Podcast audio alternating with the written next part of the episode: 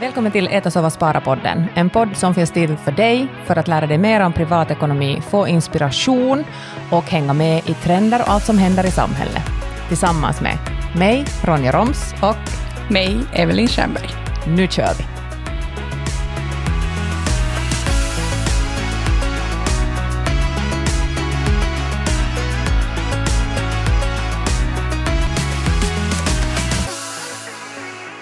Hej och välkomna till dagens avsnitt. Hörni, idag ska vi prata om någonting som kanske ännu också är lite tabu, eller jag tror åtminstone att det är. Eh, och det är ekonomisk frihet. Alltså, nåja, där är nu igen vad alla anser att det är ekonomisk frihet, men så att du har så mycket pengar att du kan göra vad du vill egentligen. Um, och det här är ett ganska hett samtalsämne. Det har ju varit jättemycket eh, på sociala medier, till exempel ungdomar som, ja, som försöker samla så mycket pengar att de kan bara vara. Mm. Bara vara. Och här kopplas ju in det här FIRE-rörelsen till exempel, alltså Financial Independent Retire Early, som ju just handlar om det här att, att dra in. Och i Firetus så handlar det ju jättemycket om det att du ska spara så mycket som möjligt. Och det är ju ganska spännande det här om vi tänker att ekonomisk frihet, så uh, hur vi har varit vana att leva är ju 40-40-40-fällan. Mm. Vill du förklara den åt folk? Ja, alltså det är det att eh, vi jobbar 40 timmar i veckan i 40 år för att sen eh, leva på 40 procent av din nettoinkomst när du blir pensionär. Mm. Och det här är ju, det, det, här är ju liksom normen. Det här är det vad vi gör. Eh, men det är ju inte roligt. Nej. Alltså man ser ju nu, jag har sett på mina föräldrar, när de liksom, när mamma är nu pensionär och pappa blir snart. Alltså det, det är ju löjligt. Mm, det är löjligt. Och, det, och jag, alltså orsaken varför jag ens har börjat bostadsinvestera och investera överlag är ju för att jag tror inte på vårt pensionssystem. Jag tror det är den största humbugfluxen som finns, liksom, finns någonsin gjord. Och jag tycker att alla behöver vakna upp och gå och titta på sitt pensionsutdrag och räkna ut att vad de faktiskt får i handen den där siffran som ni hittar där på nätet först, så det är inte det ni får i handen, utan därifrån dras skatten ännu av. Och sen samtidigt räkna att hur mycket inflationen ökar kostnaderna för oss hela tiden. Så när vi kommer till det att vi kanske då får gå i pension som 75, så hur mycket dyrare är inte den där kaffen då? Den är inte liksom en mark som den var vet du, back in the days, eller fem mark, utan den är vet du, fem euro vid det mm. skedet. Och då, nu pratar vi ju inte mer något golden years, vet du, när du står där med din fem euros kaffe när du är ja, 75-80, vad du kan vara. Och du får snåla alltså. Det kommer vara helt hemskt. Och det är nu, nu är tiden hörni, att göra något åt saken. Och vill man inte välja längre fram att köpa mat eller mediciner så måste man göra något nu. Och enligt statistiken så vaknar finländare vid 50-årsåldern första gången. Första gången till vad det betyder att gå i pension. 50 Alltså kom igen, du hinner inte göra så mycket ens mera på de där vet du, kanske 15 åren som du liksom orkar pressa ännu i arbetslivet. Jag menar min farsa är nu 60 och jag ser ju på honom att han inte orkar på samma sätt mera och morsan också. Att åldern kommer inte ensam, som man nu så liksom, typiskt brukar säga. Så vi borde vakna tidigare. Vi borde egentligen vakna till det här ju som 20 redan, för det är då vi har liksom, så många år nu framför oss att påverka det. Jag tycker inte att man ska behöva stressa med det här då när man sticker iväg och börjar studera första gången, utan man måste också få njuta av sin ungdom. Men när du har fått ditt yrke, när du har din utbildning och du börjar jobba och det börjar komma in en regelbunden inkomst, så vid det skedet måste du nog redan vakna till det här. Jo, och har du inte vaknat tidigare så nu, idag, nu när jag säger de här orden, det är nu du vaknar. Och bestäm dig, inte så att vi ska lite fundera och vi ska lite se, nej, det är nu. Eller så är det här ju den här 40 procenten av inkomsten, det är ju det som är din realitet då snart. Mm.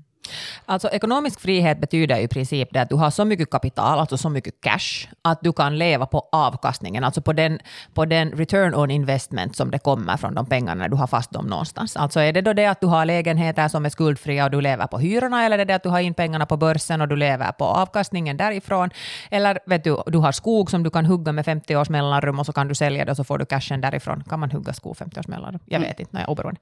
Um, och det är det som är liksom grundprincipen i det hela.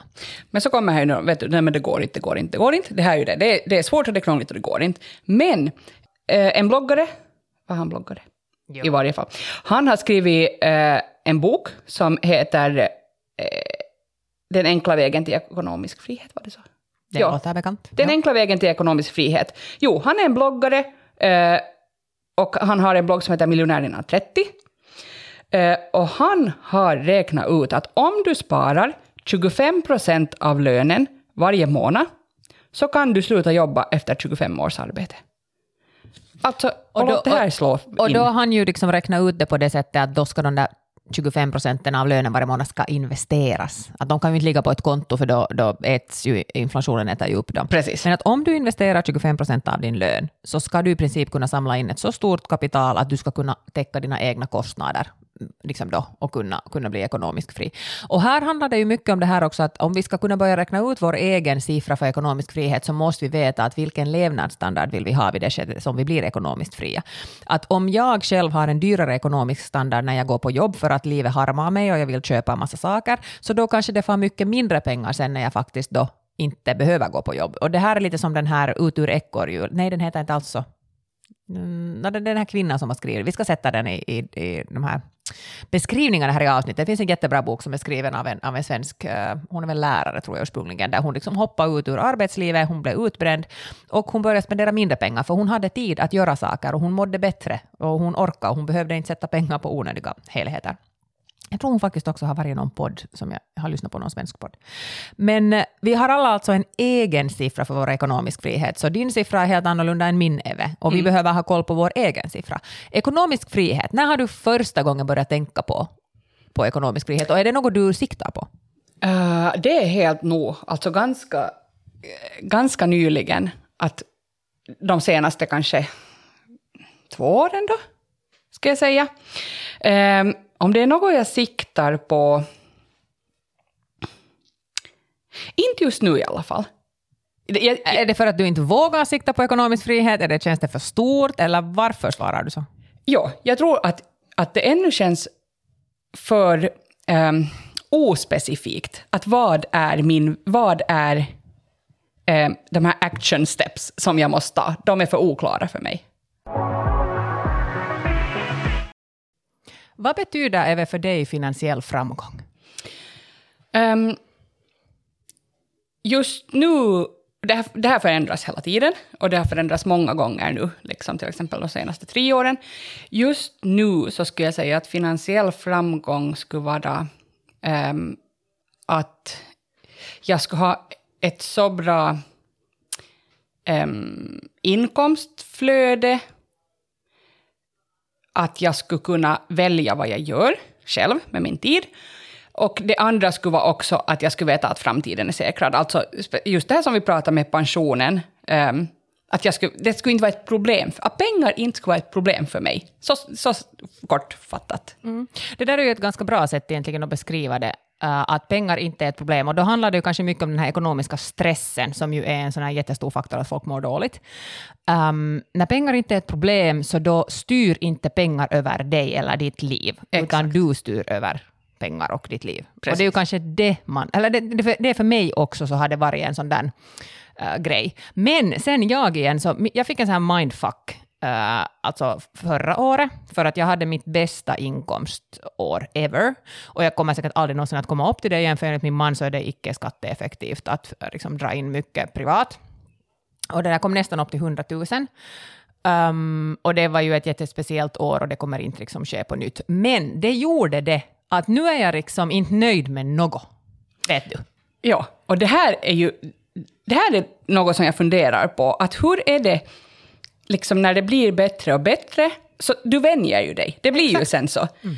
Och eh, finns det risken då att du gör Egentligen att du arbetar slut dig, fast du gör för dig själv och du bygger upp ditt eget. Men finns det ändå risken att du jobbar slut dig och att du ändå aldrig blir nöjd. Mm. Jag tror på riktigt att det finns en jättestor risk i det och därför tror jag att man måste balansera den där grejen med pengar med många andra saker. Och för mig handlar det om att jag har de här tre olika projekten som jag gör per år. Jag gör liksom ett projekt som är kassako som betalar, jag gör ett projekt som är en passion project som jag får gå bananas och sen gör jag ett projekt där jag lär mig. Och de här tre sakerna gör ju det att det blir mera liksom livsglädje i allt jag gör. Hur ska jag säga? Balans, mm. som folk pratar om. Um, Men, det där, men jo, absolut, jag känner åtminstone det att när du liksom kommer upp till någonting så blir du ju mera hungrig och så liksom räcker inte det och så ska du bara ha mera.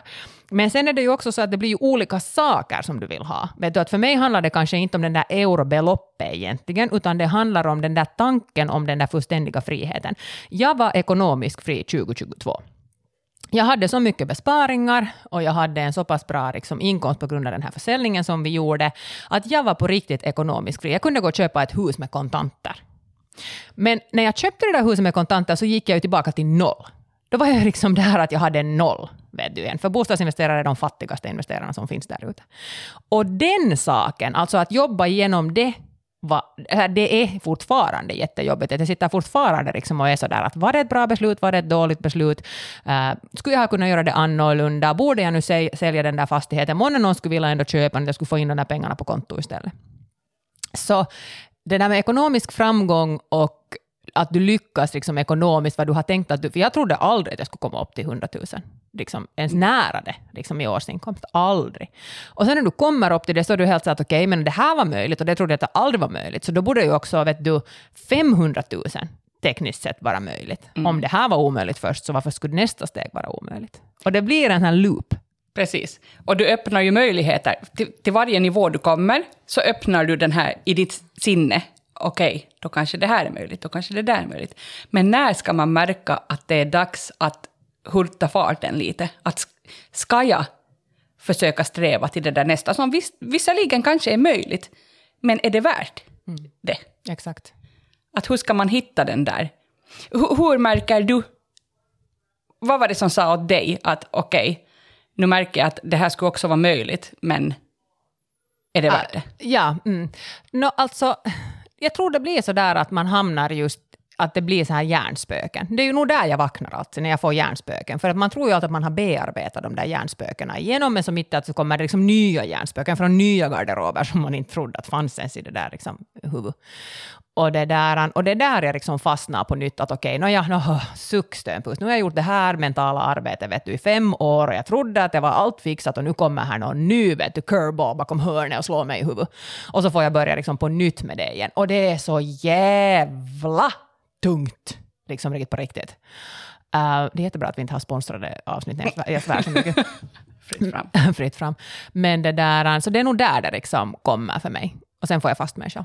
Ja, de har gjort ju sådana här studier att ähm, äh, arbetslösa är mindre nöjda med livet än de som går på jobb.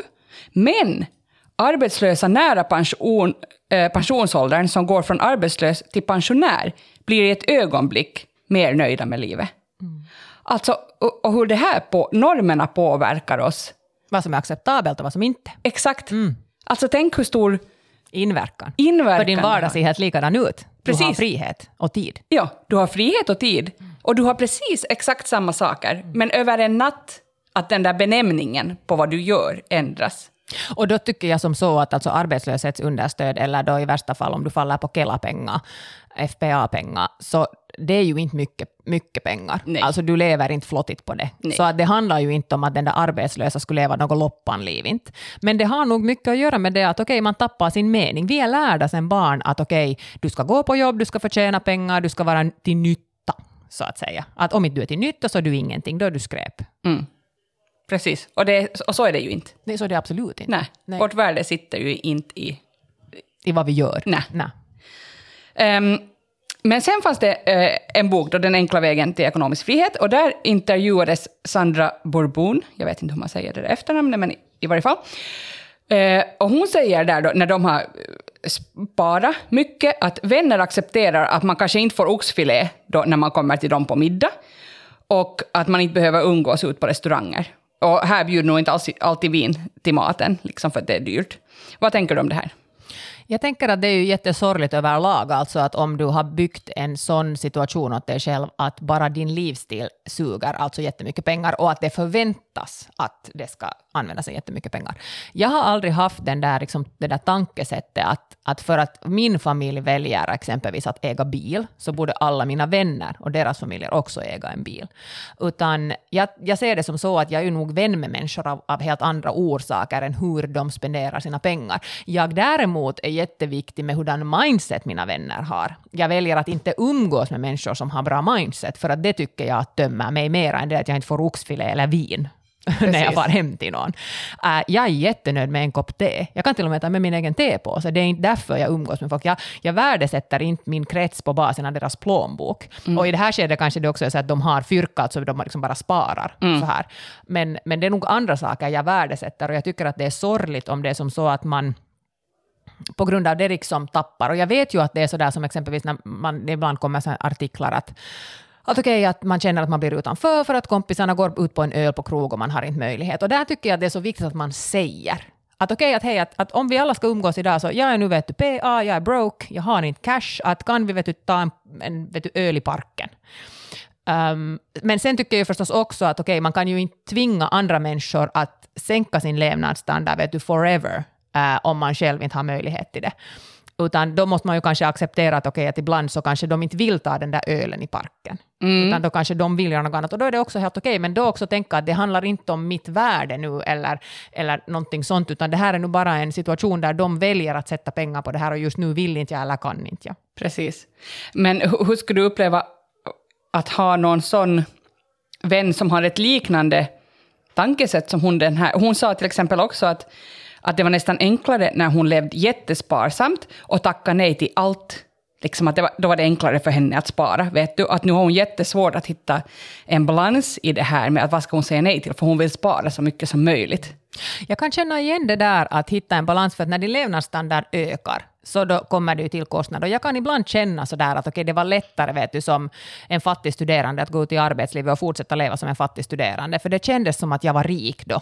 Medan sen nu när du har barn och bil och hus och lån och vet du, så här, så känns det ju som att vad jag än gör så rinner de där pengarna ändå igenom min, vet du, mina händer, för att hej, nu är ungarnas länkitossar slut och nu måste jag köpa nya länkitossor.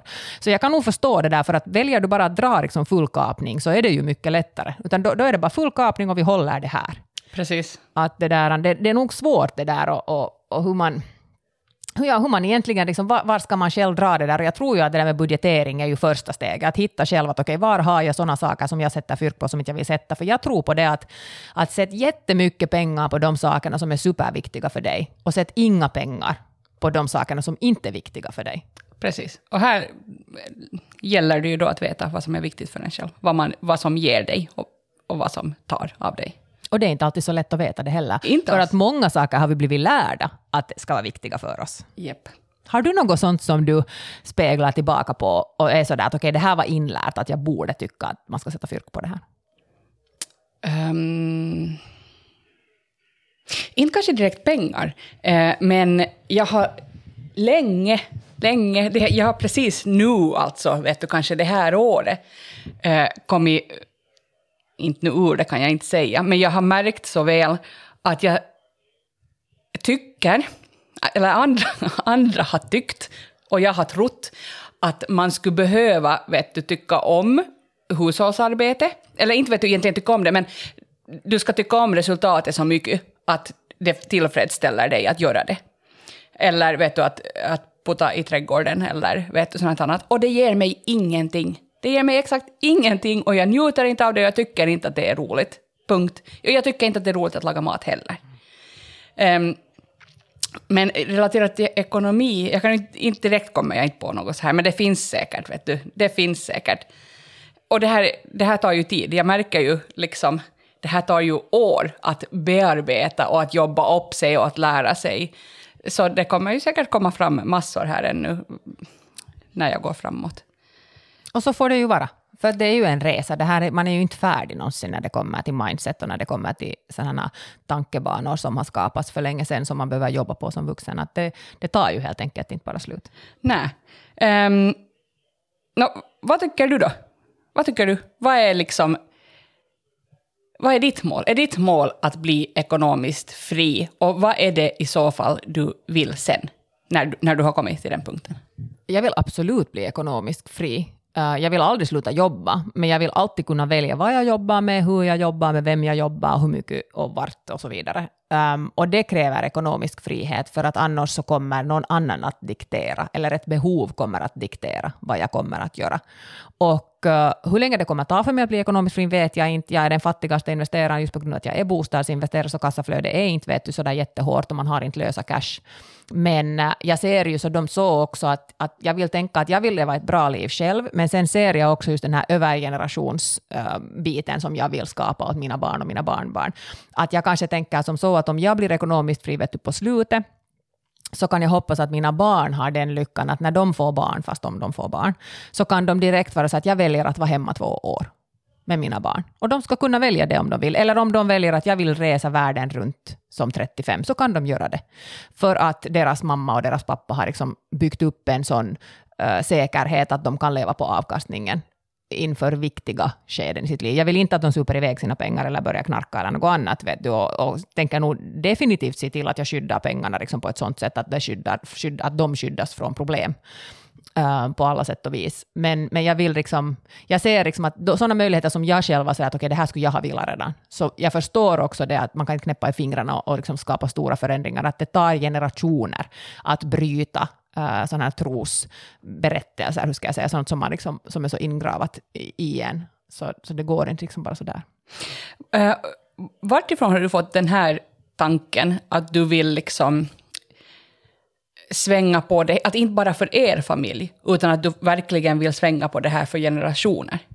Jag tror att det handlar om det för att det är en större inverkan. Och jag, liksom, jag, för, mig, för mig så var det i början när jag började, så var det så att herregud, att, vet, att skulle, jag, skulle jag redan vet du, kunna någon gång vet du, förtjäna x antal euro, eller skulle jag kunna äga tio bostäder, så oj nej, oj nej. Och sen när du har uppnått de sakerna så blir det på något vis, åtminstone för mig, mindre viktigt med det där att vad det bara sker åt mig. Och på något vis inser jag att jag är bara en liten fjuttig bit av kakan som människa själv. Och, och, jag vill liksom ha större inverkan. Jag tror till exempel att världen skulle vara mycket bättre om vi skulle ha mera kvinnliga miljonärer. Att desto mer kvinnliga miljonärer vi skulle ha, desto bättre värld skulle vi leva i. För att kvinnor ser och tenderar att ha andra värden, mjukare värden. Och jag tror att det skulle vara en bra grej. Så, så kanske på det sättet, vet du, att det, det handlar inte bara om mig. Det är samma sak som när man vet, du är tonåring, så då är det bara mi, mi, mi, och sen växer man och blir vuxen och så ser man att hej, det finns också människor runt omkring mig som saker och ting påverkar. Så nu är det det det liksom handlar om. Alltså där har vi ju nog, det där är ett fint mål. Det där är något som jag gillar. Fler kvinnliga miljonärer mm. Och det kan vi ju sträva med här och det kan Absolut. vi faktiskt jobba för. Så vi hoppas att ni kvinnor som lyssnar idag Mm. Och män. Men i synnerhet kvinnor. Ja, och ni män kan ju hjälpa era kvinnor. Jo, omkring mm. er, i er omgivning. Precis. Absolut. Precis.